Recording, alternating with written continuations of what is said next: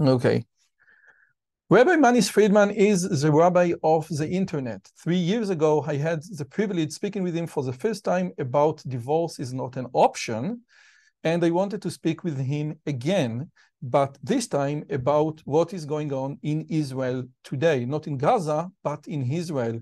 The confusion that we have about certain very profound aspect of war and values what is more important and what less important. Rabbi Manis Friedman is the most popular rabbi on the internet, and what he says, many people include in all the world, including Christians and Arabs and Muslims, hear, listen, and extract great joy and relief.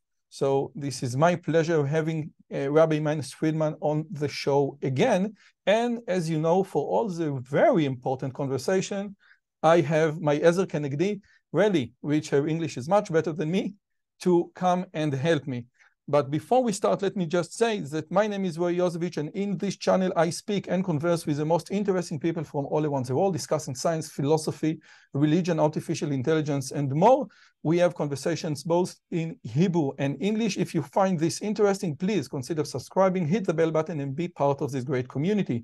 If you never heard about Rabbi Manis Friedman, please visit his site, Manis Friedman. You just say M-A-N on YouTube, and the autocomplete will say Rabbi Manis Friedman. He has a lot of incredible, valuable, important, uh, uh, mind-blowing videos, and he has a great uh, website, Create a Life That Matters with Rabbi Manis Friedman. Rabbi Manis Friedman, thank you so much for coming. How are you today? Thank God, thank God. And thank you for the opportunity. Okay, yes, it is our pleasure. You know, uh, two days ago, uh, the most uh, popular uh, comedy show in Israel, Eretz Nehederet, published a sketch about the BBC. And the idea of the sketch is that the BBC said that we bombed the hospital, but in fact, we didn't bomb the hospital. It was a very, uh, a very funny sketch, and it went viral across the UK. But the gist of the sketch is, I think, profoundly wrong. The gist of the sketch is that we didn't actually bomb the hospital, but and if we did, the UK and all the world had all the all the right to blame us. And I think that this is a very bad and uh, scary message. What do you think about how we in Israel treat the hospital accident or as a hospital incident? It is very, very sad that the world does not understand morality, does not understand right from wrong, and they make up rules that you can't live by. They're not realistic, and they're not really moral. Let's go through a list of concepts that uh, the West or the secular world believes in and see where where the mistake is. Number 1 we don't we don't harm civilians. Harming civilians is a war crime. What does it say in the torah about that? What is jewish thinking on that subject well, the Torah says that a civilian should not be harmed. But what does it mean? If he's shooting at me, but he's not wearing a uniform, then he's a civilian? In other words, what is a civilian? The enemy say that every Israeli is a soldier. There are no civilians. A two year old Israeli child is a soldier. And so they claim that they never harmed a civilian because there are no civilians. Every civilian is really a soldier. We have the opposite attitude. Every one of our soldiers is really a civilian. He should be in school, he should be enjoying life. They're young, they're teenagers, they're civilians. and they should be treated with the same respect and with the same consideration as a civilian. There's no license to killing soldiers. Soldiers are civilians. So, what does the Torah mean that you shouldn't harm a civilian? Here's a very simple, logical, sensible question How am I supposed to know who among the enemy are civilians and who are not civilians? How am I supposed to know? How is an Israeli soldier supposed to know who's a civilian and who is not? And is it the responsibility of the Israeli soldier to figure out who the, who the civilian is? That is so ridiculous. It's ridiculous. A civilian is someone who surrenders. If your enemy during war surrenders, you're not allowed to kill him. If he doesn't surrender, how do you know he's a civilian? It is up to the enemy to identify the civilian. It's not my job to identify the civilian. So if somebody raises a white flag, I know that's a civilian. But I'm not going to sit there trying to figure out who your civilians are. That's really crazy. So anybody who thinks that Israel is responsible for identifying civilians is just a fool. It's a baby. The other civilian is somebody who says, I want to leave town. I want to get out of this country. Then you're not allowed to kill him. You have to let him go. So you identify yourself as a civilian, you're treated as a civilian. But if you don't, hey, it's not my job to tell you that you're a civilian. Doesn't that make sense? It does. And I would like to add that it is also the job of the governing power to decide and to identify civilians and to protect them out of the uh, line of fire, yes. away from the line of fire. So civilians are people who are governed by the governing entity and who are kept away and hidden and out of harm's way. Right. But but from my perspective, there are two ways to conduct this discussion. One can say, according to the international law, whatever you just said, I completely 100% agree. And then we have some question, what if, for example, a civilian in north of Gaza wants to move uh, south and the Hamas forbidden, okay? So this is a question that we can answer uh, uh, or not. But there is another trajectory, there is another route which we can answer or conduct this discussion, and this is by the Torah, by the laws of the Torah. Okay, so I didn't uh, I, I didn't ask you to come as a as a political commentator. My question is, should we run conduct this discussion according to the morality of the Torah when we are in a modern world where the laws of the Torah are not part of the modern codex. We get inspiration from them, but they are not part of our codex. So that's why I'm saying, according to the Torah, you're not supposed to kill civilians if they identify themselves as the civilian. What's wrong with the secular version is that in the secular version, they expect you to identify who is a civilian. And that's nonsense.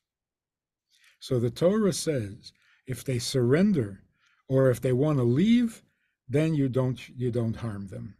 But if they're there, it's not your job to identify who the civilian is. That's just sensible. Now, you find that by Yetziat Mitzrayim, we were told to put blood on our doorways. That's identifying yourself as a civilian. If you want to set yourself apart from the bad guys, then do something, show something. In that case, we had to put blood on the door to show that this is a Jewish home celebrating Pesach. This is a great example because with the blood, and I use this example all the time, you had to be proactive. It's not as if God didn't know which one is a Jew. God yeah. wanted to know which one is willing to sacrifice to, to kill to be a, to kill the god of the culture that enslaved them and to be part of this new movement towards worshiping the one true god of Abraham, Jacob and Isaac. Isaac and Jacob. So that's number 1. The principle of not harming civilians. I must tell you before you go to number two, and I think it's very important because we have many secular uh, listeners and viewers. My point is that according to the secular version of the international law, all the things that you just said are totally valid. Okay, again, a complete 100% siege on the city, siege. siege, no water, no electricity, no internet, is legal according to the international law. Nevertheless, when it comes to Israel, we have different standards. Not we, the world have different standards. Therefore, it's not about the secular version versus the Torah version. It's about something that I suspect is much more profound. It's about how the goyim, how the world want to see Israel. I think that there is like a, a, a it's a delicate but very important point. The international law agree, I think, with 100% of what you just said, but not when it comes to Israel. Okay. There are a number of problems. Let's do one at a time. So, first, the definitions of, of what's real and what's not real. A civilian is someone who identifies himself as a civilian. If they're too intimidated by their own government to identify themselves, themselves as civilians, it is not my obligation to figure them out and to identify them. That's just sensible. That's just normal. So, another idea. Uh, proportionality. There is such a concept as proportionality. But the way the secular world understands it is so childish and so immature that it's dangerous. Proportionality doesn't mean if you kill 10, I kill 10. If you kill 100, I kill 100. That is so immature. That's like kids playing in the schoolyard. Eh, it's not fair. You got three points. I got. Two. Proportionality means this I don't do more damage than is necessary to bring peace. Which means very simply if by killing one person I have peace, then I'm not allowed to kill two. Makes a lot of sense. If I if by killing three people I bring peace, then I'm not allowed to kill four. So the proportional is not proportionate to what I did, it's proportional to what it takes to bring peace. Don't do more than is necessary for peace. And in many cases in wars, they are, the, the, the victor already had a victory. It was done but they wouldn't stop killing just because they could. So, proportionality means once you have enough to have peace, then you don't kill anymore, not one more. Which leads me to one thing that you said in one of your uh, videos, I think uh, last week or last two weeks. The most moral ways regarding war is to end it as soon as possible. Okay, so I think it resonates with what you just said you can you do the what you need to do in order to stop the war as soon as possible because war is a terrible messy thing and you don't do more than what you need to do. So it's both the proportional, these two aspects of the proportional. Right. But if you do less, see, according to modern thinking or silly thinking, if I've already killed 12,000 people, I, I'm just going to quit. I can't do anymore. I can't, 12,000, it's so much. I can't do anymore. So we're going to stop. That is immoral. It's horrible because you didn't bring peace and yet you killed 12,000 people for nothing. If it doesn't bring peace, then all of those deaths are in vain. That's, that's horrendous. Especially if by killing another thousand, you would bring peace. So because you don't want to kill 13,000, 12,000 is your limit. So you just wasted 12,000 lives. Worse than that, since you didn't bring peace, five years from now, there'll be another war and more people will get killed. So to not achieve peace, even though you're fighting a war, it is the, the, the, most immoral thing you can possibly do. Every time you accept a ceasefire, but there is no peace, people died for nothing, and there's going to be more. Because within 10 years, there'll be another war. What is peace? Peace means the enemy would not think of starting up again for at least 40 years. 40 years, people forget. A whole new generation grows up. 40 years later, it's the grandchildren of the people you defeated. So maybe they don't remember. 40 שנה. mm-hmm. Yes, there's a reason. Now, yes. One other thing. If your values dictate that you don't kill children, should you tell the enemy that that are your that those are your values? Should you tell your enemy, I will not kill your children? It is so immoral. Look at what you're doing. What you're you doing, promise... as we saw, I'm sorry to interrupt, just what you're doing, as we saw, is you're compelling your enemy or you're suggesting to your enemy to put all the babies.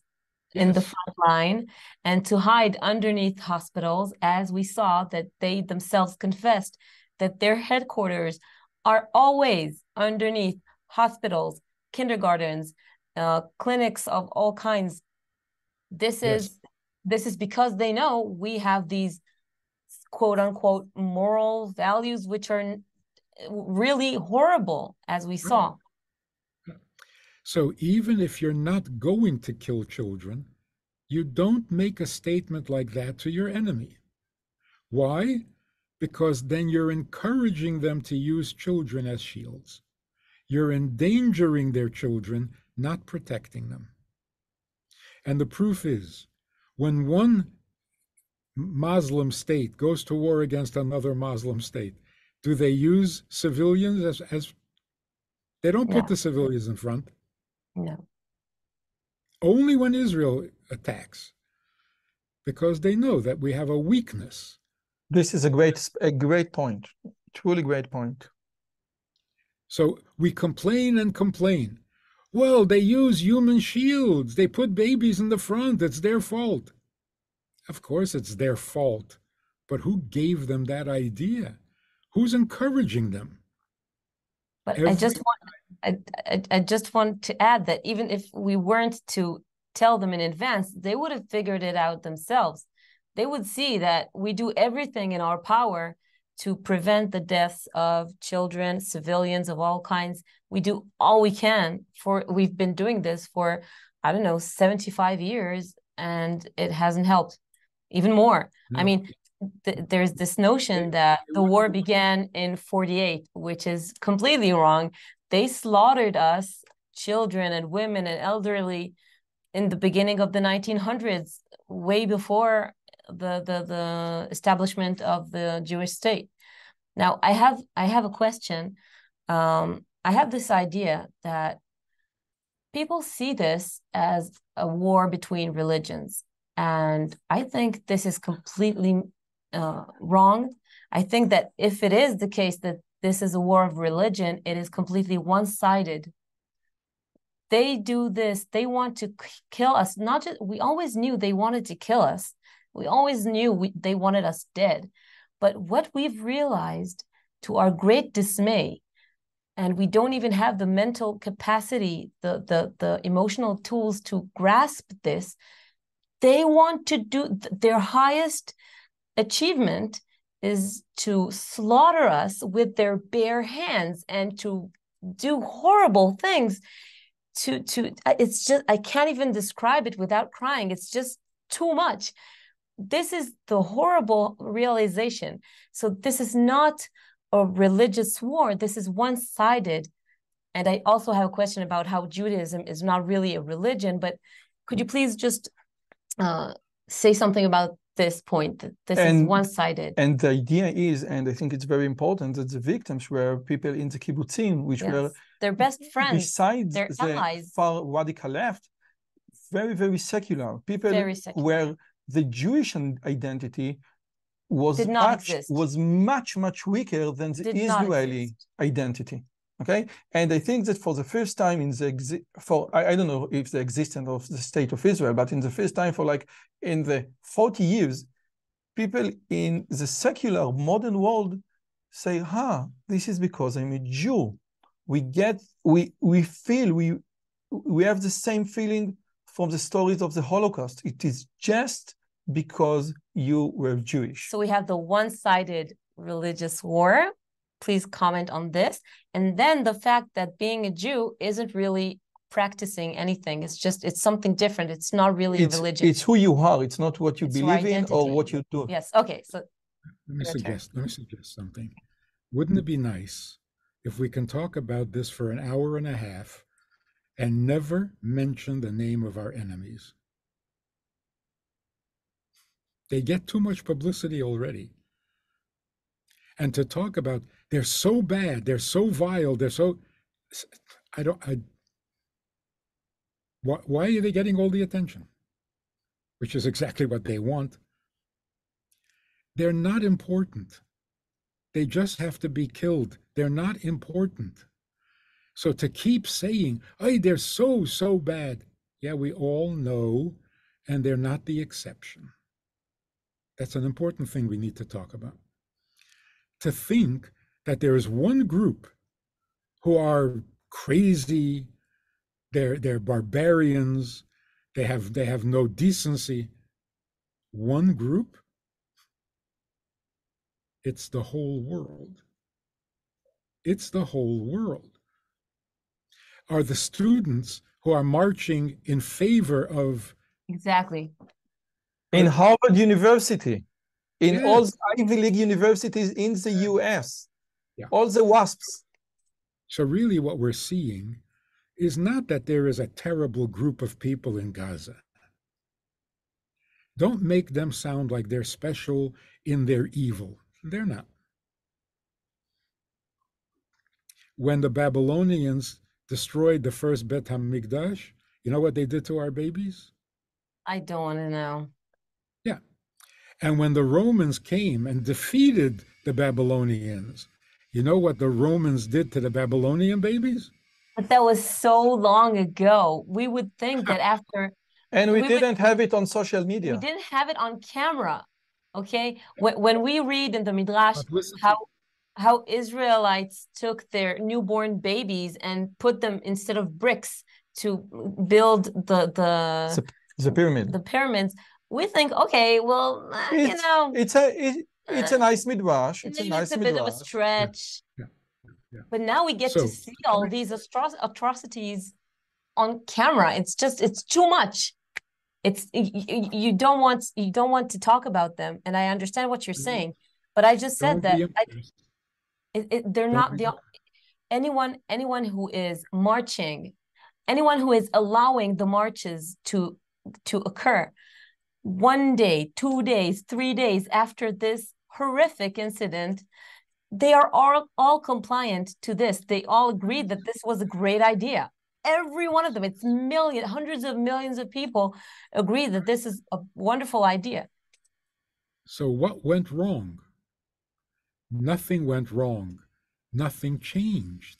This has been the way human beings behave since the beginning of history and we haven't really made any changes so here's here's the question that we need to be looking at of course, we're going to destroy the enemy. Of what's the question?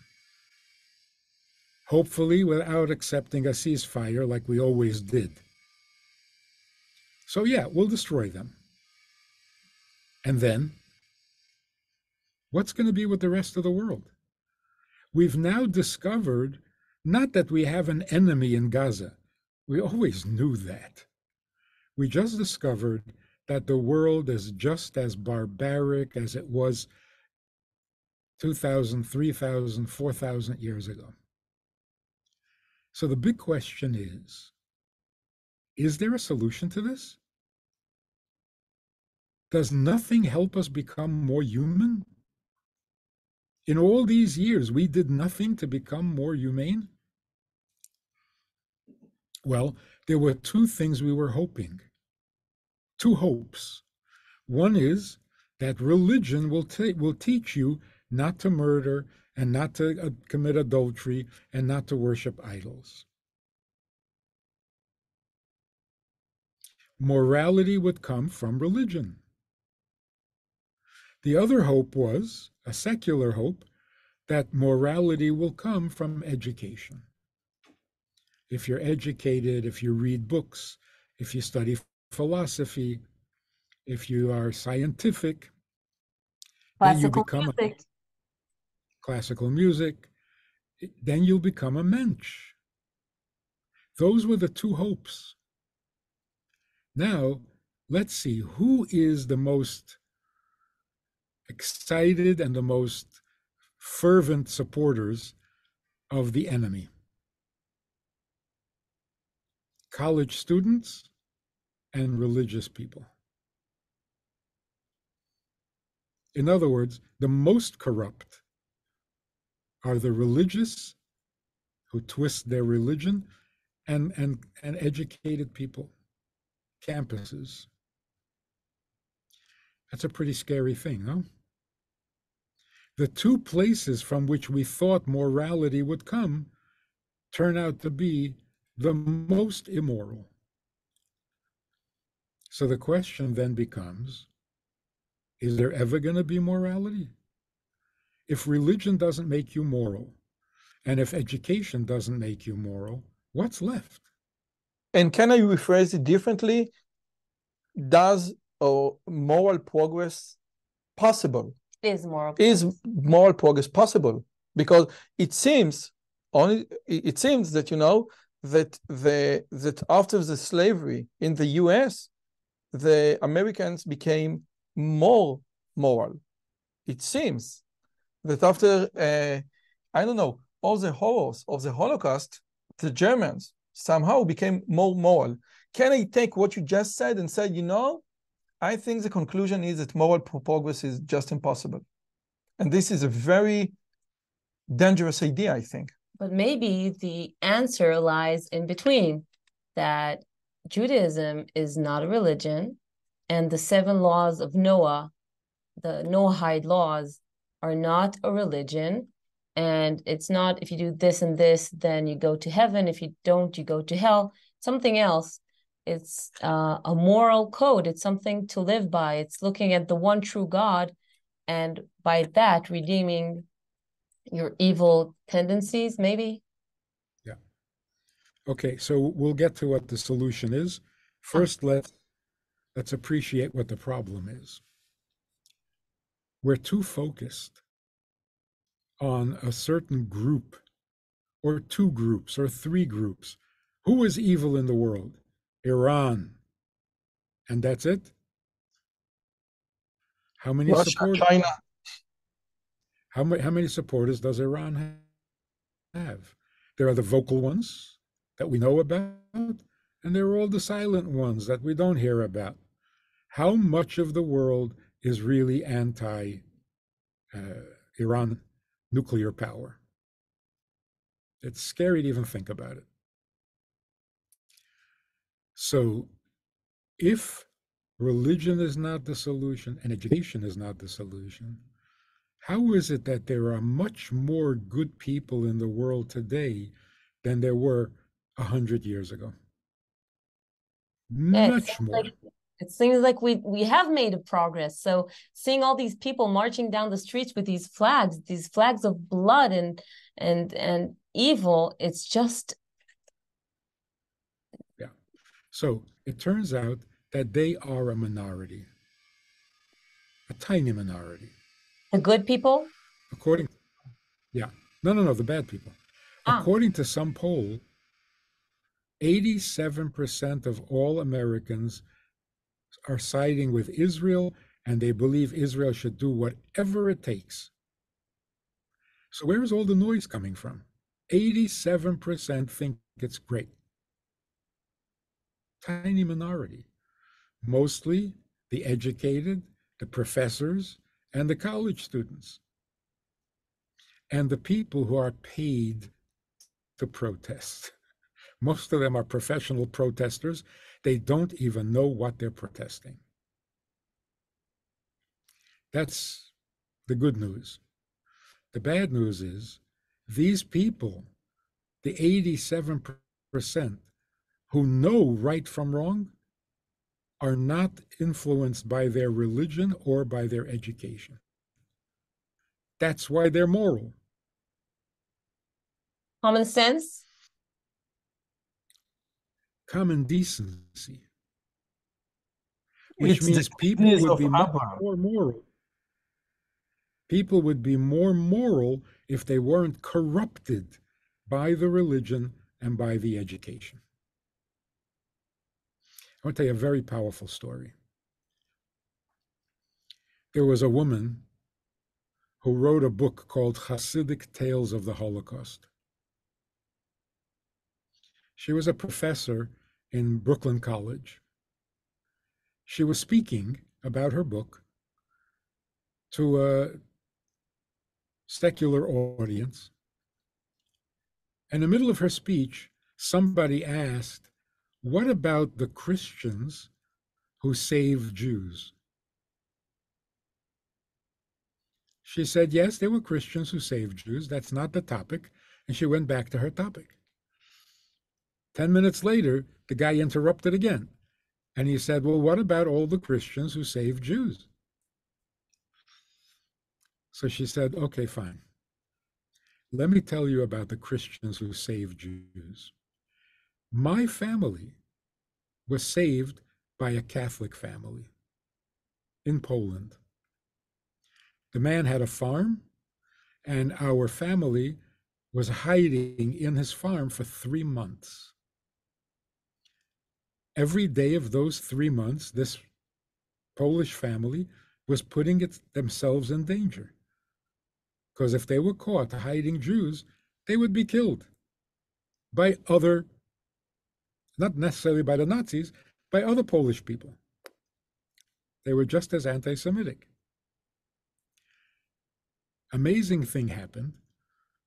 While they were there on the farm, in middle of the week, a Tuesday, a Wednesday, they see the man of the family. He's putting on his church clothes. So they said to him, "What's going on? What's uh, what's the holiday?" He says, "They're rounding up Jews in Lodz. I'm going to watch." They're rounding up Jews, forcing them to dig a huge grave, and then they will bulldoze all the Jews into the grave. I gotta see this. So he's, yeah, he's going to watch. And for the occasion, he's putting on his church clothes.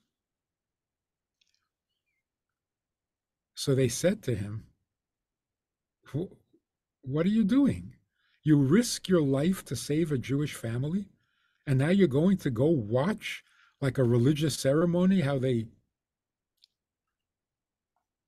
So he said, Don't preach to me. You killed my God.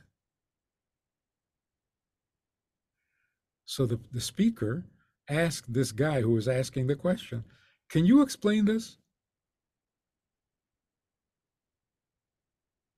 He had nothing to say. She said, I'll explain it.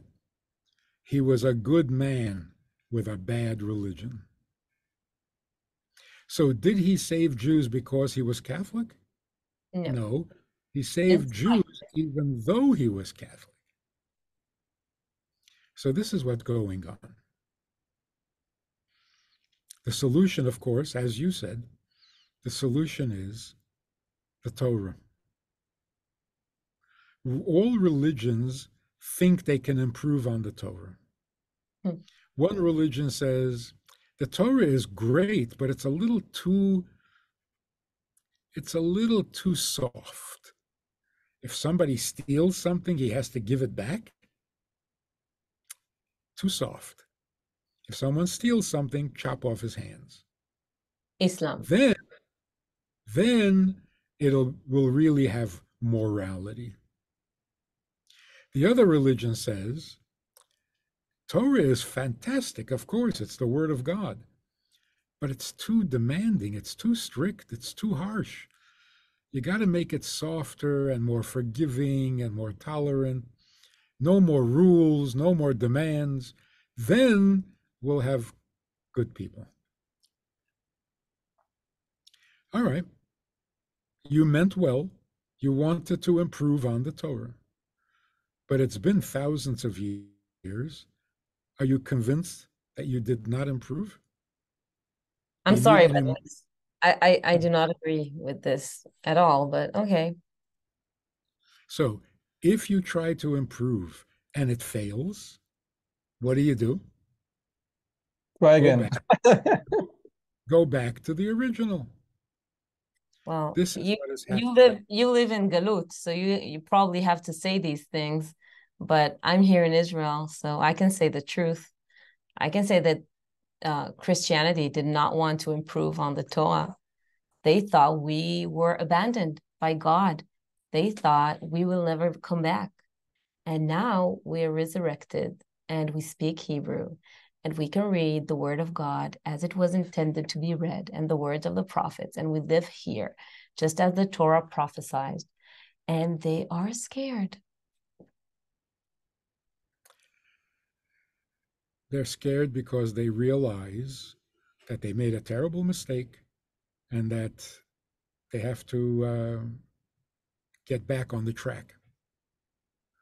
The secular also feel the same thing. All the secular opinions, almost every one of them, turns out to be a moral failure. Because there's nothing moral about it. It's just human ideas that sound good on the surface, but when you live it or you try to live it, it's horrible, like communism. Communism sounded so good. Jews in Russia thought that communism was Moshiach. That's how good it sounded. So, what's happening in the world right now is that before the coming of Moshiach, the world has to realize that the Torah is the only truth. Is that happening? Absolutely.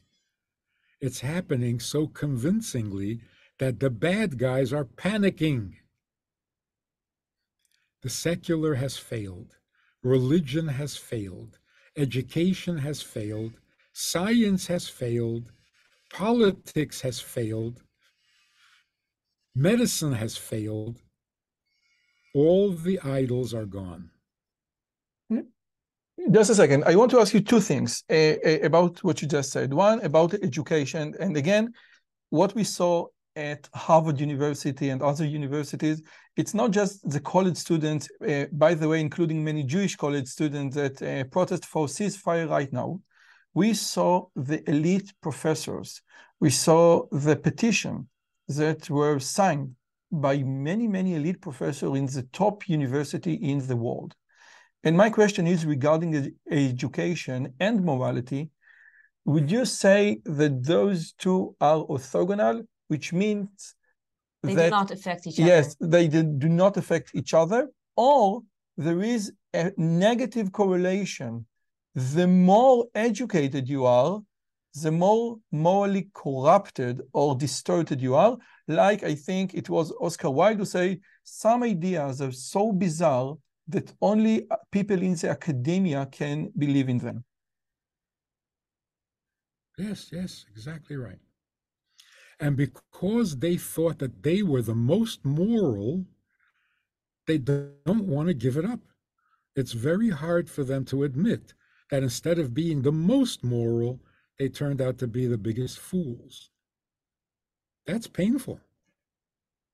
It would take a lot of courage for them to get up and say, We were just stupid. Like people who thought Arafat would be a very good partner in peace. When he They walked into the. United Nations with a gun, they welcomed him. My grandfather, God bless his soul, he said that was the point when I realized he's a Holocaust survivor. He was. Um, he said that was the point when Arafat went into the United Nations armed. I saw that this the world is is not going in a good direction. But again, it's not interesting how wrong they are. The fact that we have to tell them they're wrong, that is scary. and therefore, no more debates. See, like we said, never again. Never again is there going to be a ceasefire without peace. Never again are we going to apologize for anything we do when we're at war. Never again, because it's immoral. Never again will I have a debate with people about who Israel belongs to. I'm not going to debate it. If you don't know that Israel is the land of the Jewish people, I, I'm too embarrassed to talk to you. It's it's it's it's degrading to even have this conversation. If you don't know that Israel belongs to the Jewish people, the land of Israel to the people of Israel, then go back to kindergarten. Don't have an opinion because you're not qualified, and I'm certainly not going to debate it with you. you, you know, I think five days ago, there was an interview with Noam Chomsky about this very point. Now, I know that Noam Chomsky is considered a self hating Jew and for good reasons. And I think that this was exactly the point. You know, can we say without debate, yes, this is the land of the Jewish people? And I think, you know, uh, the idea of Chomsky that is too smart, you know, to be in this world was you can't count, you know, the Bible arguments are not arguments from this world. And if you bring arguments out of this world, I can't deal with you. So it it is, you know, I think like the one uh, the 180 opposite of what you just said. I can't deal with you if you bring the Bible argument, or I can't debate with you if you don't agree to the Bible argument. It's actually the complement. It's complementary. Yes. complementary because you come from one standpoint, as we do, that the divine gave us the the creator of heaven and earth gave us this land The providence. the providence, whatever name you want to call it, the Kadosh Baruch Hu. And you say if you do not sign up to, if you do not, if you do not subscribe to this basic notion, I To have the first Rashi I of have- the Torah. I have nothing to, I have no grounds upon which to speak with you. And people like Noam Chomsky, if there are any, but on on the very secular, very non-religious, non-believing spec end of the spectrum, will say the opposite. Will say, listen, if you if you mention these things, I have nothing to say to you. I will not go back to any kindergarten at all. I would like you to know that you have nothing to speak to me about. We have no common ground. Uh, speaking of Noam Chomsky, everybody's everybody says he's a brilliant man. Would you or anybody want him to be the president of the United States? But being a brilliant man isn't isn't um, criteria for being the president of the United States. I wouldn't want Rabbi Kanievsky to be the president of Israel, and he was a brilliant man. It, right. I think it's not a, a fair question unless I don't know where you're going with it. What I'm going where I'm going is the man is not a brilliant man. He's a fool. He's completely out of touch with reality. He doesn't Definitely. know what's real. He doesn't know what's true. He should go back to kindergarten because he's got everything wrong. Everything wrong. But he But will say the same thing about you, which is unfortunate, but this is his response. So what can we do? This is as if we've come to an impasse. No, we haven't. Don't give him the dignity of arguing with him. You're degrading yourself. And you're making it sound like these issues are debatable when they're not debatable. So, no more argument about who Israel belongs to. No argument about what is the capital of Israel. If you don't know that Yerushalayim is the capital of Israel, I will not talk to you. You're an embarrassment. Go back to school or at least be quiet because you know nothing. And it goes on to other things also. If you think that human beings are descended from apes, get out of the classroom. You're not fit to be to be part of a conversation. Why do we lower ourselves into these absurd arguments as if there's something to argue about? So okay, so let me tell you. Okay, so let me give you it from uh, our Mekorot perspective. In the Kuzari, the Chaver, I don't know how, how to say it in English. We have the king of Kuzar and we have the Chaver, the, the friend. I, I don't know how you. Sage. The sage. Ah, the sage, Ooh. okay. And and the king, yes? Okay, the sage and the king, and the sage goes and say, listen, uh, out of all the religions, we are the most moral. We never hurt anyone. And then the king, and l- let me just remind everyone, Rabbi Yehuda Halevi wrote the Kuzari. It's not a, it's a, it's a Jewish argument written by a Jew. And the king said, yes, but you've never been in charge. You never ruled. You were always under the sovereignty of the Muslims or the Christians, etc. We don't know how you treat, how you Behave. how you behave when you rule. And you know, history showed us that Jews, like many other people, some religious, some not, don't act according to the Torah. When when you know many many, uh, I I can go back, you know, to the even to the machloket between the Gaon Mivilna and Rabbi Shneur Zalman Miladi. Yes, I can go back and say, listen, we're Jews in charge. We don't always get the flour and honey beans that we that you talk about. You said, you know, according to the Torah, everything will be great. And I can say, okay, very good. But Jews never acted according to the Torah. So, When they ruled, yes. Even when they had sovereignty. Yes. Even if you say that this What can I do with your argument? even if you say that this Medinat Israel isn't really a Jewish sovereignty, okay, we had Jewish sovereignty, then what? No, I We had talk about I talk about King Menashe. I talk about you know the history. Yes. When Jews had the opportunity to uh, to rule their own country by their own laws, they didn't follow the Torah. You see Eliyahu and you see Irmiyahu and you see Shayahu, Jeremiah, Jeremiah. Elijah. Yes. So what can I do with your argu- with your argument that what you suggest never happened in reality? So, first of all, should we argue? I'm No. not so sure. But if we do, just for our own sake, uh, there was a war that we won in Hanukkah. Did we massacre babies? We won the war. We could have done whatever we wanted. We massacred babies. Yeah. We continued to kill after it was.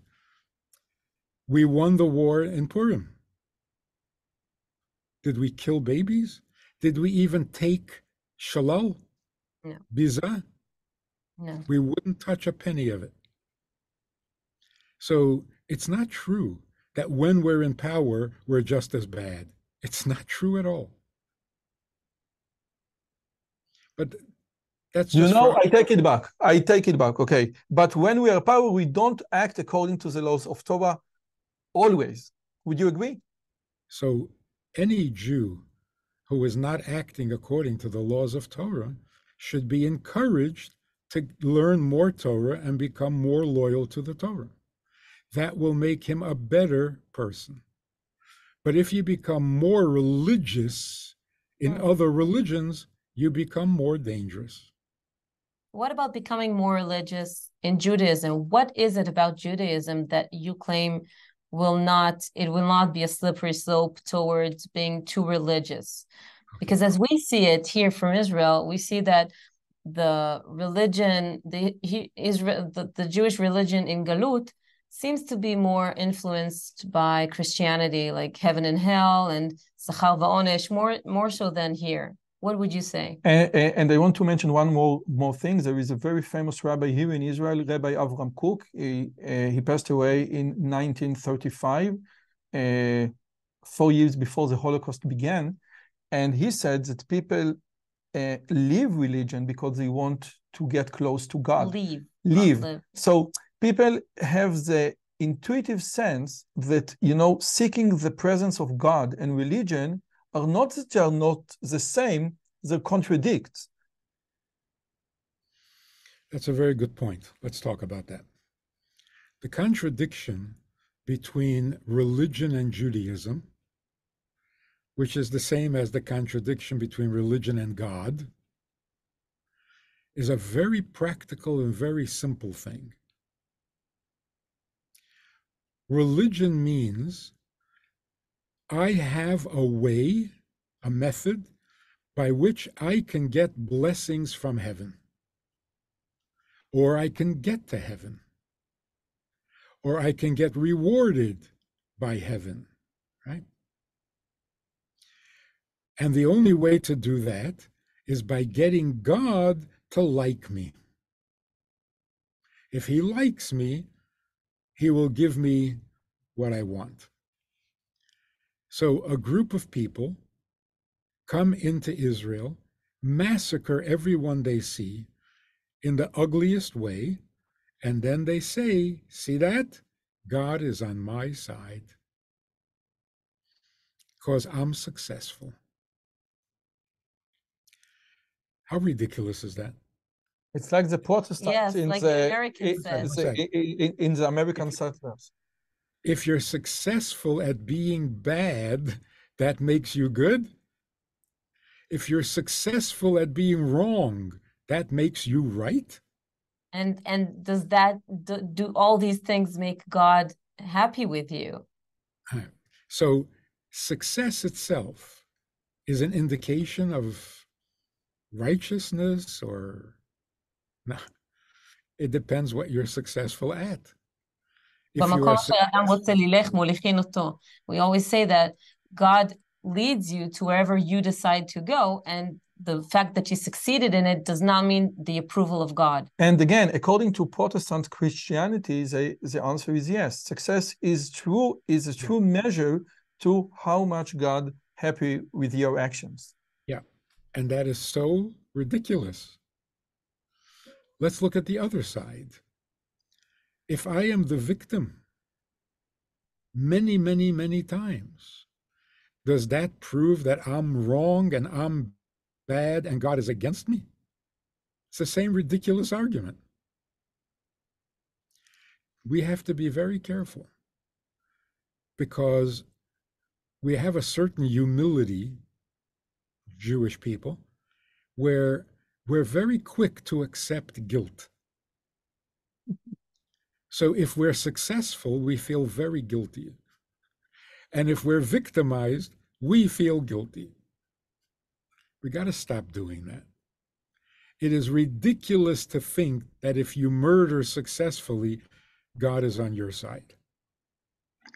And it is ridiculous to think that if you get murdered, it means you're a bad person. Stop that ridiculous argument. The real pity is on the world. We are not in trouble, we're in pain. The world is in trouble. The world that doesn't know right from wrong, after all these years, with all the education, with all the religions, nothing, nothing, nothing. The world needs a lot of help. So here again, here's here's what's wrong with religion. Religion means I'm in trouble. I have very many needs. I am very weak and helpless. So I have to get God to be on my side. Jews never thought like that. Jews always thought, not God should be on my side. I should be on God's side. On God's side. Mi LaShem Elai. That's the Maccabee. Who is here to help Hashem? Come, we'll do it together. We are not here to get to heaven. We are here to bring God down to earth because that's what Hashem wants. This is the big difference. If your religion is for your benefit, then you're a greedy person you're a selfish person. And if you take it to don't worship and you don't worship God, you worship yourself. This is like the pure idolatry. Or you worship, like the Rambam said, you worship God in the image that you created. And I want to mention one more thing. The, there is like the most vast uh, distinction between Judaism and Christianity is exactly the point that you mentioned. The Judaism is, is a demanding religion, while Christianity is a given religion. And we can see it by the cross. The, the symbol of Christianity is the cross. And, and, and the cross that God gave everything to humanity, while our symbol is a shofar, Akedat Yitzchak. We gave everything to God. It's a demanding religion versus a giving religion. So the, the reason that that difference developed is because idolaters, the early, early idolaters before Abraham, believed that God is perfect and doesn't need anything. So once he creates the world, he's not interested anymore. He has more important things to do. That is the beginning of idolatry and that is the beginning of religion. Here's, here's the, the, the correct picture, and this is very radical for most people to hear. Human beings have many needs. Not true. Merubim tzarchei amcha. If you think that merubim tzarchei amcha, it's because you have no da'at.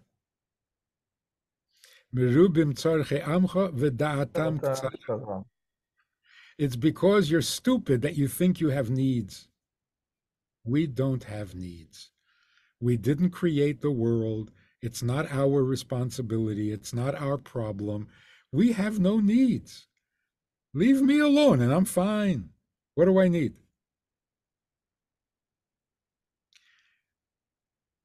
The other mistake is God, who created the whole universe, doesn't need anything. That is so ridiculous. He created a whole universe and he doesn't need. It's so ridiculous. That's what started idolatry.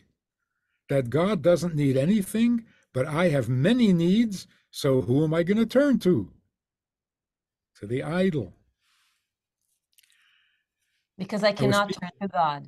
You have a great story about people who don't need anything, about one of your friends when he came to the yeshiva, he told the mashgiach, I need to call my mother. I said, you don't need anything. And he didn't understand up until the mashgiach told me, your mother needs you to call her. Okay, so it's not that we don't need, if you can clarify, because you know, people will ask, what do you mean we don't need anything? Okay, could you please expand on this? Because this is a very radical idea. Okay. The reason God needs, or we know that God needs, is because he created. He created. Yeah. By the same logic, I don't need anything because I didn't create anything. Why don't I need anything? Because I don't need to be born. I don't need life. All the needs that people think they have is because without it, I won't have life or I won't have a good life. Okay. Do you need a life? I had this I had this argument with you know what Ayn Rand is? Yeah. You know the so it's uh, how do you call it in it's a very selfish way uh, objectivism. Objectivism. Objectivism. Very selfish. So they said it was this panel and the speaker said uh, the highest value is life. And i raised my hand and i said this is so wrong. This is so wrong. It's so who obvious gave you life? Who no. gave you life? It's so obviously wrong because the average person will risk his life. Exactly. For something that's money. really important. Yeah. So don't tell me life is the highest value. That that's that's not even true to, to, to secular people. Yes. So we don't need anything because we don't need to be alive. Exactly. He created us. We didn't ask him to create us. Because we don't need to be created. So if I don't need to be created, I need a car? Yeah.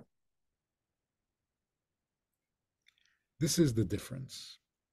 There will be peace in the world when everyone realizes you don't have needs, you are needed by your Creator. That's the only path to peace. And what is that?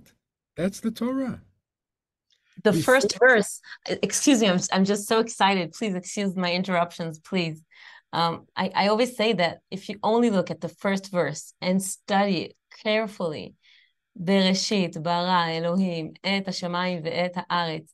I always say that science only only grasps the first word, bereshit, that there was a beginning, and they're stuck. They can't come to the second word.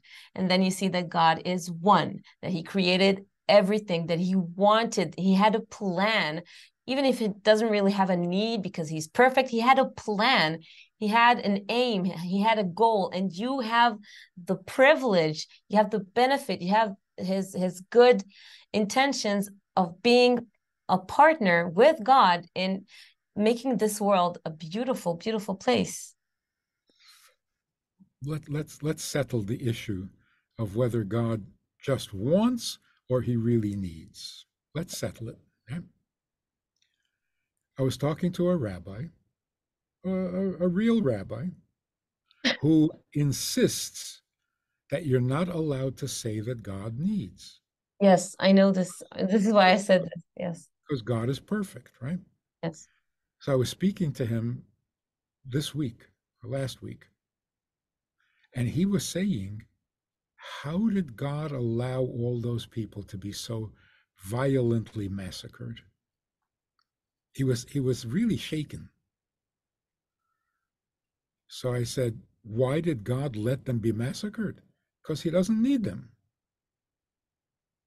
He became furious. he said, How could you say such a thing? That is the most horrible thing I've ever heard. I said, I'm just quoting you. Do you see how horrible it is to yes. say God doesn't need? By saying God doesn't need, you're saying it doesn't really matter to him. But what does the word matter? Well, you know, we we teach. He teaches. No, no, no, no, no, no, no. I, I, I, I don't want to go into the philosophy. I want to go into the history of this notion. Now, I can, as a non-Chabad, can refer this notion, you know, in modern times to Rabbi Heschel, God in the search of man. The the idea that God needs you is in in modern times, you know, we tend to attribute it to Avram Heschel, Rabbi Avram Heschel, which was unfamiliar in Israel up until recently, but nowadays people read about Rabbi Heschel more. Where do you find the origins of these notions that God needs us?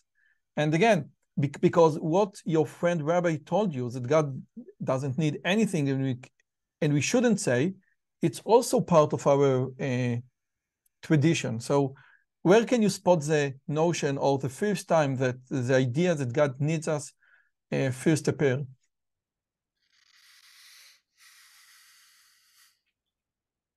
It's interesting. Heschel's background was Hasidic. Where did he get those ideas from? From his Hasidic family. But where is the first time? Let me see. Um, Bereshit bara Elokim et hashamayim ve'et haaretz. What he doesn't need? right, right from the beginning, he created the whole world, but he doesn't need it. Then close the book. Then, then, then you're making fun of the whole thing. Yeah, but you know that your rabbi friend had something, had a point.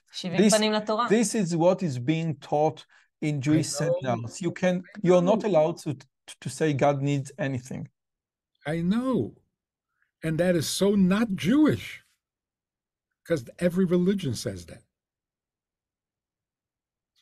Let me tell you the real source of it, yeah? Torah says that the reason there's going to be a churban and galut, tachat asher lo avadeta et Hashem Elokecha besimcha. Avadeta et Hashem Elokecha. Serving him. Can you tell me what that means? How do I serve him? All the mitzvot are for my benefit. How am I serving him?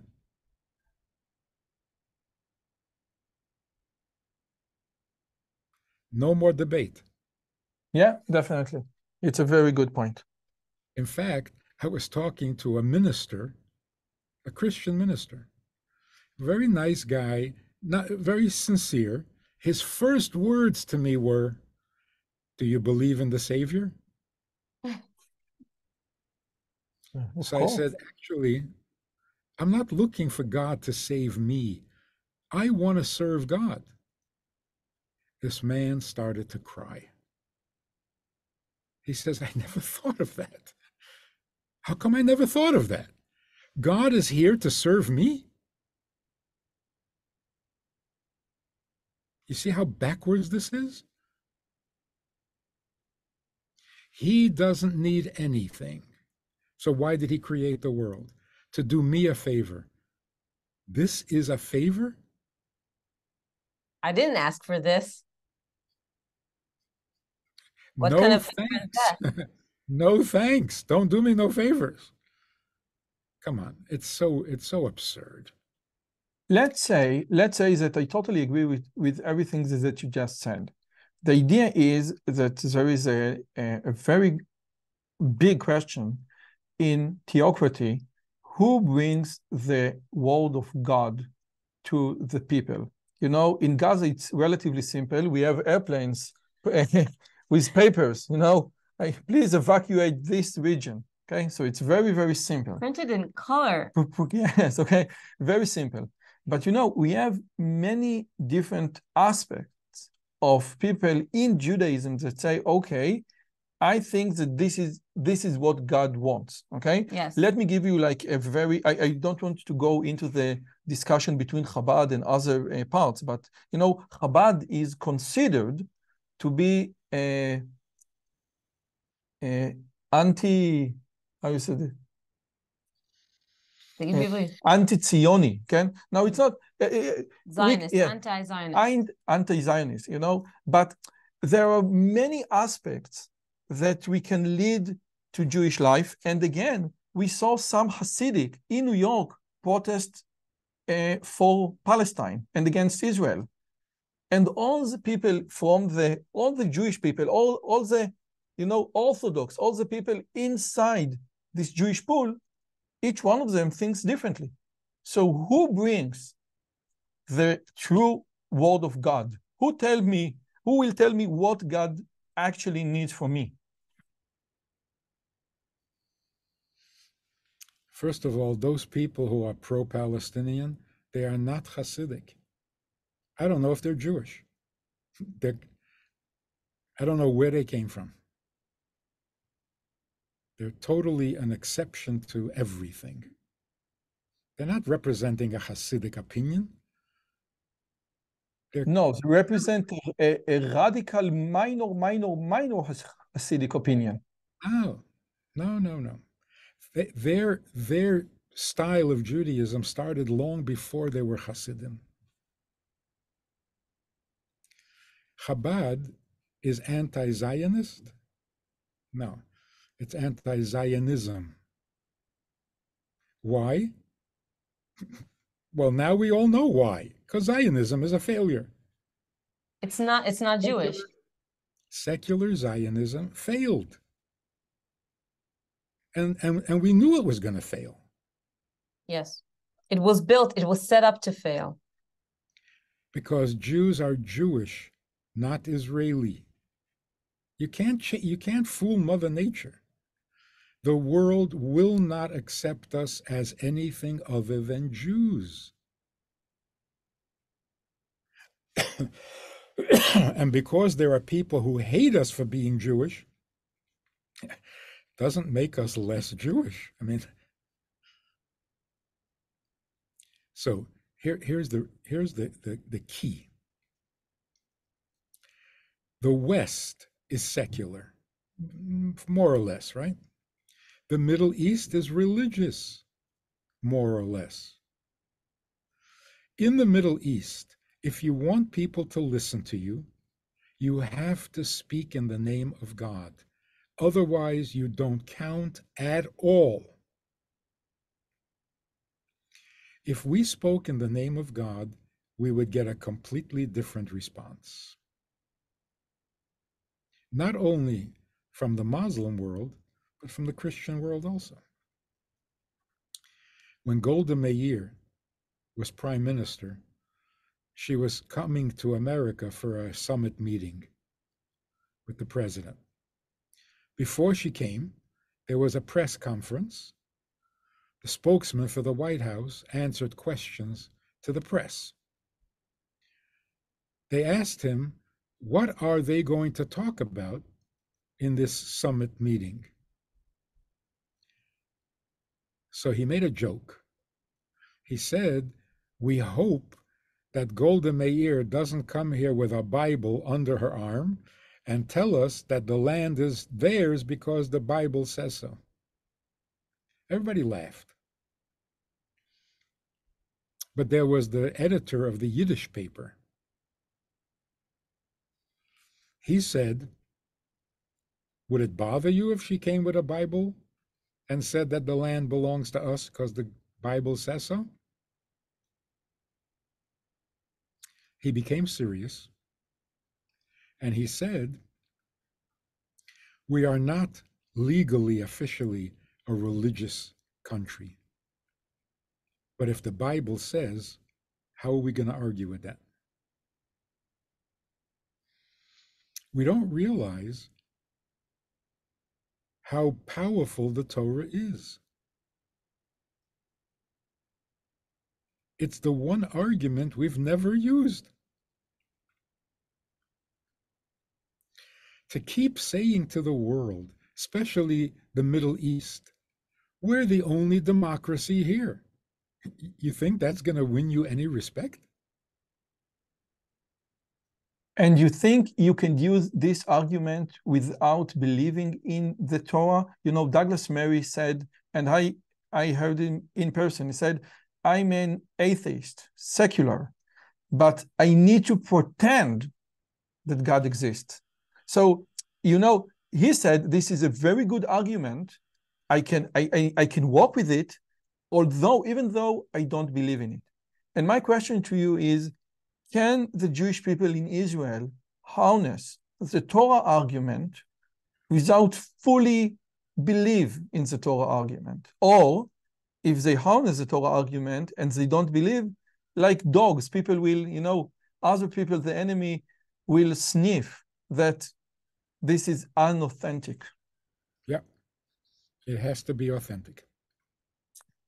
So imagine if a prime minister came to the United Nations wearing a kippah and tzitzit and said, We are the chosen people, the land is ours. If you don't agree, then you have to leave. It's very powerful.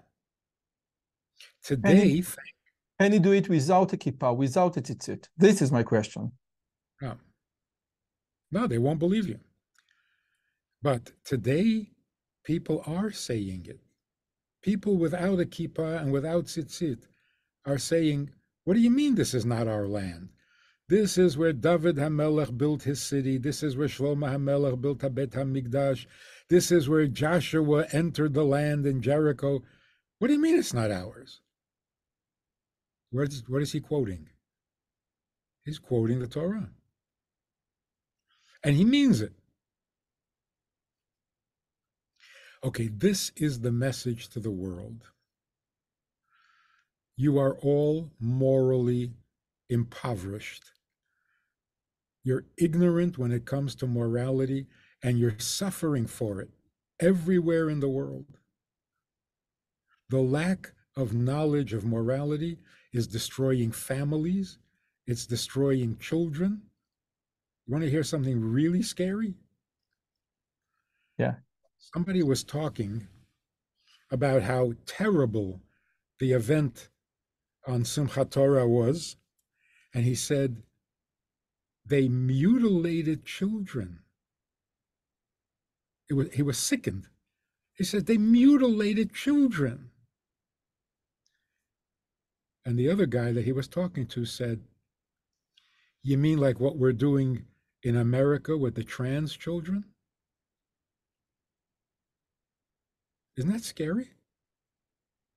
We're mutilating children. But we have an excuse. What, that makes it better?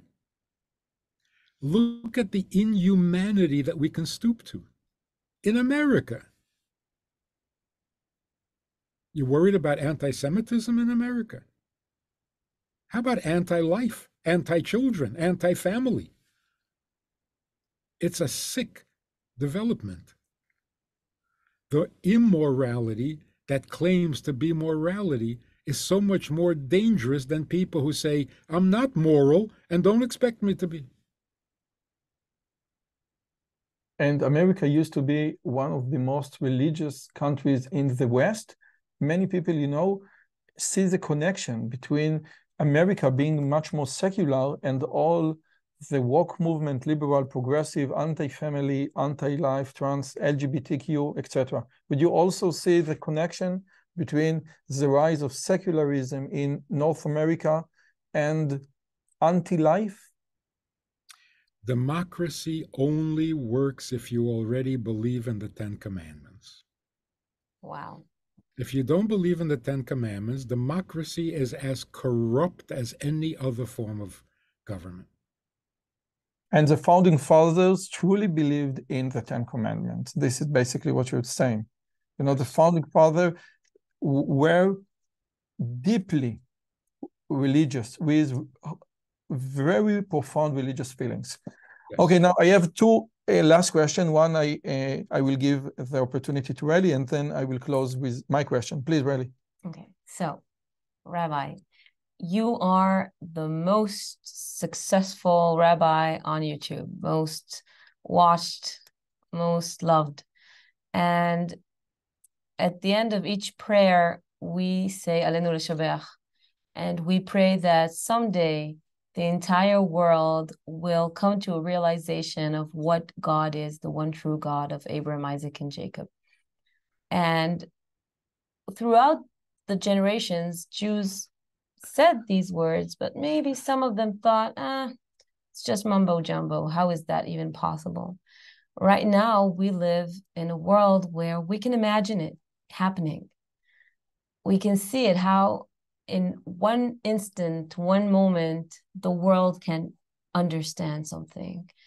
And you are, you have the miraculous opportunity of being in the front line of this development the social media the connection to the world. I re- i see your videos. I i love them. I i recommend them to everyone who's watching. And i also read the comments. The comments are gushing with love and respect and they also mention most of them. Most of the comments are from non-jews even religious christians religious muslims re- religious hindus. Everyone is saying how peaceful you are, how intelligent you are, smiling, smiling, and how they love watching your eyes. They exude uh, uh, intelligence and and wisdom, and they want to follow your guidance. How do do you do you realize what what um power you have? That you are the ultimate shaliach. You are the ultimate shaliach. Are, you trying to make me feel guilty or something? What, what you... no, you just said we have to. You had. You said we have to get rid of this uh tendency. But he's a Jew. He's a Jew. He can. He he can't help himself.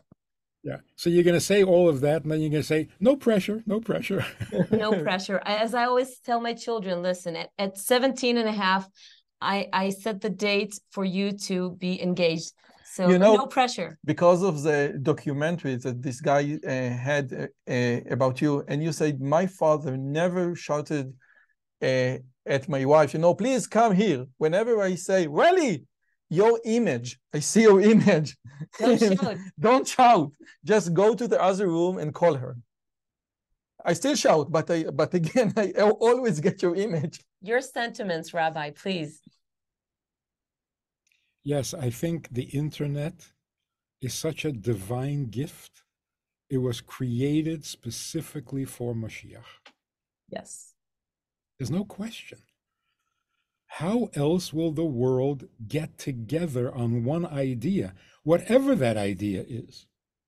Only through the internet. It's amazing. It's amazing. And you remember how the religious world was so anti the, the internet? It's going to destroy us. It's going to ruin everything. It's the worst thing that ever happened. Religious people always get everything wrong. Is that a safe thing Here's to say? a t-shirt. Here's a t-shirt. Rabbi Manis Friedman. Always get everything wrong. Okay. You can see a clip by Benny Friedman, you know, religious people always get something wrong. This is great. Um, I'm serious that the, the message to the world the whole world. Like you say, people listen who are Christian, Muslim, Hindu, atheists, anti Semites. Everybody, right? But that includes the religious Jew. They're listening too. And they're learning something they never heard before. That Ivdu et Hashem means Ivdu et Hashem. He needs you. Don't go looking for your benefits that you can get from him. That's not avodat Hashem. That's not tikkun olam. It's yeah. not. It's nothing. So the message to the world has to be: Will you stop thinking about yourself and your needs, which are not true? Can you do something for God? One thing one mitzvah, one good deed. And how can you do something for God? What does He need? He needs His world that He created to be His kind of world. That make sense?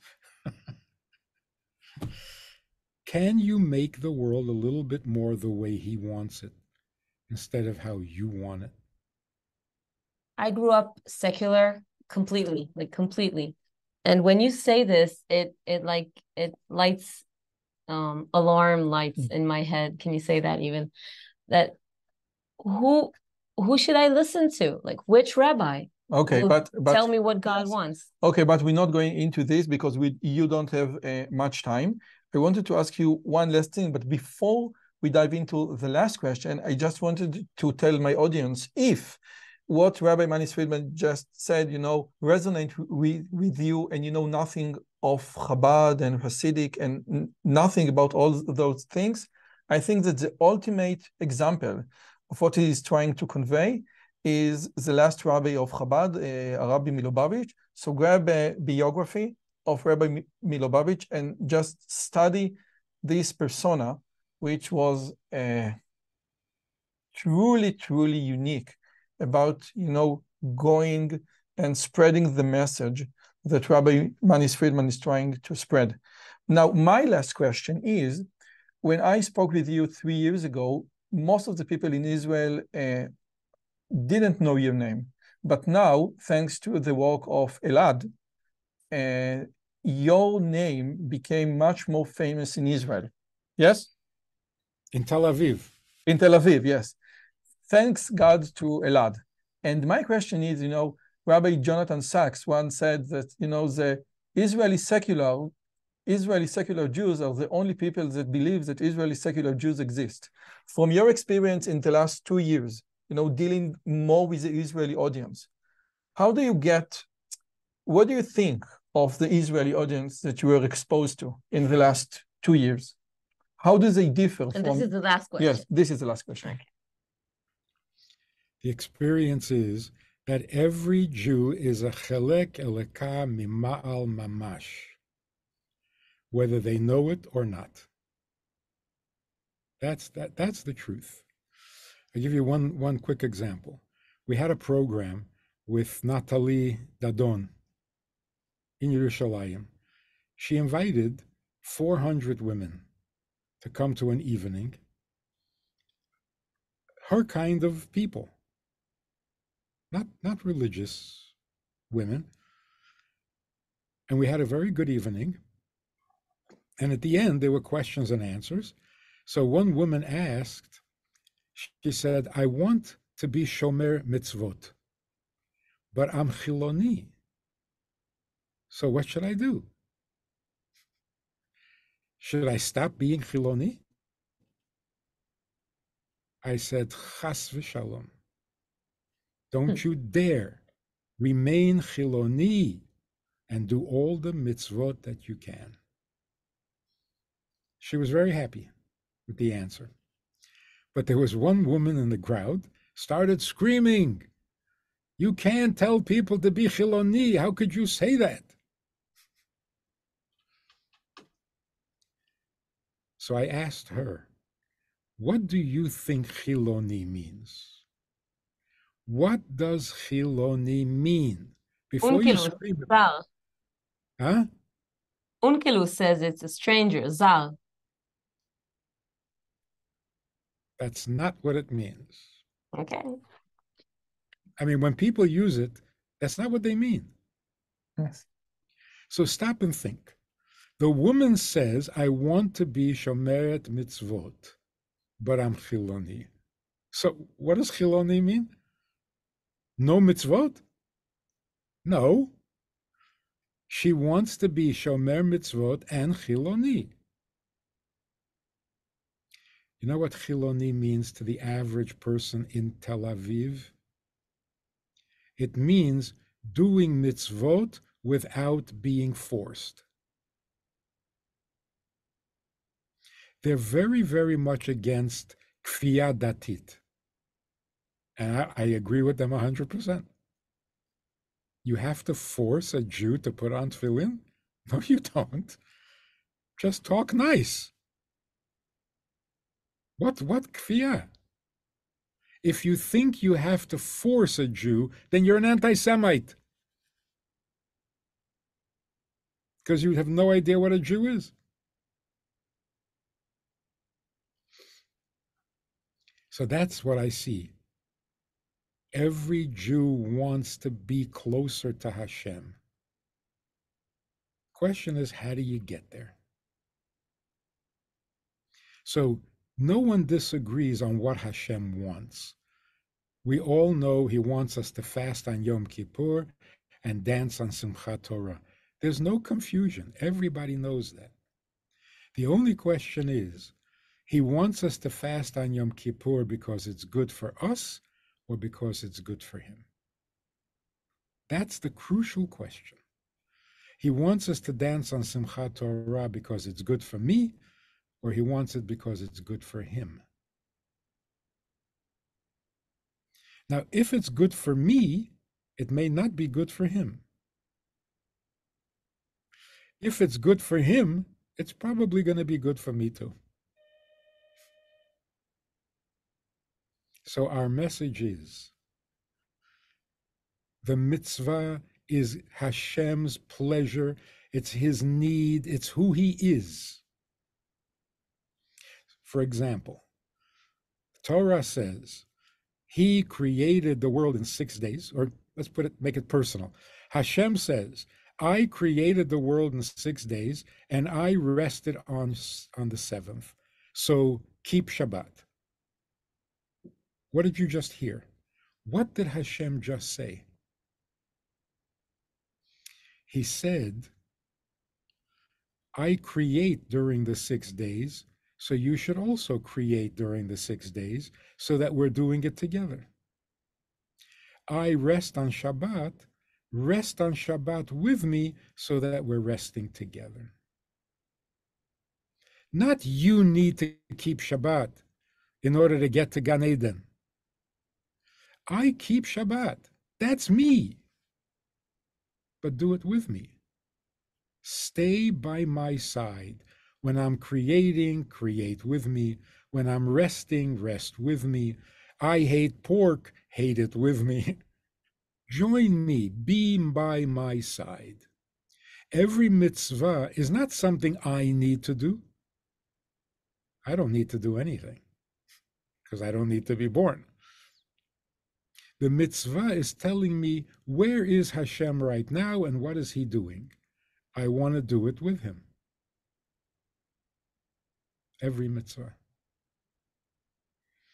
So it's like a mother and a daughter who are very close. When the mother goes shopping, the daughter goes shopping with her mother. When her mother lights Shabbat candles, the daughter lights Shabbat candles with her mother. It's all very romantic and very personal. In wow. fact, English, when we say Ten Commandments, it is so wrong. In a marriage, there are no commandments. A husband doesn't command his wife. He doesn't even scream to her from another room. that he bought me this huge house. Put in an intercom. So uh, yes, it's it's a Aseret Dibrot. Right. Translation is how did very... it get trans- yes. How did it get translated into commandments? Yeah. Dennis had a great job on the you know the the problem with the translation. Yes. It you... came because there was a king who had a translation done. King James. James. How does a king talk? Commandments. No He's our, our king yes. and our father. Rabbi, thank you so much. It was, I think, both inspiring and profoundly important.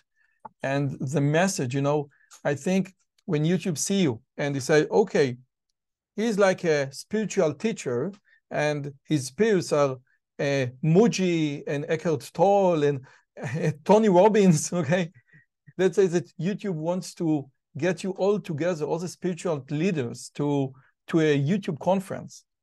So I think that the idea that your peers, that the other people that do important things are so profoundly different than what you do, and your message is so unique it's a true blessing. The only difference is are you trying to make yourself more prominent or are you trying to make God more prominent? And we can end this conversation here. Please make the last sentence because you are my wife. If we ever sell t-shirts saying religious people always get everything wrong, we'll give you we'll go 50-50 with the profits. Rabbi Manis Friedman, thank you so much for your time. Thank you. Thank you for the Thank you. opportunity. Thank you. And we should Bye have bye. Only good news. Only Amen. Amen. Amen. Bye bye. Okay, this was Rabbi Manis Friedman, the most Beautiful. popular rabbi on internet. What do you think about this conversation that took over 90 minutes? It was wonderful. I just love Rabbi Friedman. I wish him all the best and Would you consider would you consider him as a spiritual leader? I- if YouTube says so. of course he is. Of course. Let me, you know, when I search for something from Rabbi Manis Friedman on on on on the internet, will YouTube show me other videos by other spiritual leaders? Yes, and not this is my from- question. Not from other rabbis. That's the thing. He he has managed somehow by providence, I don't know how. He he has managed to deliver a message that resonates with everyone that is not considered religious, that is not considered. He deals with basic human issues in in a way that uh, It doesn't sound religious. It doesn't sound religious. it yeah. doesn't sound religious. because religious people Yes. always get everything wrong. T-shirts, Can uh, you know this should be the title. beautiful, beautiful. They probably know that Uh, because it's already the title. say bye bye. Bye bye. Thank you.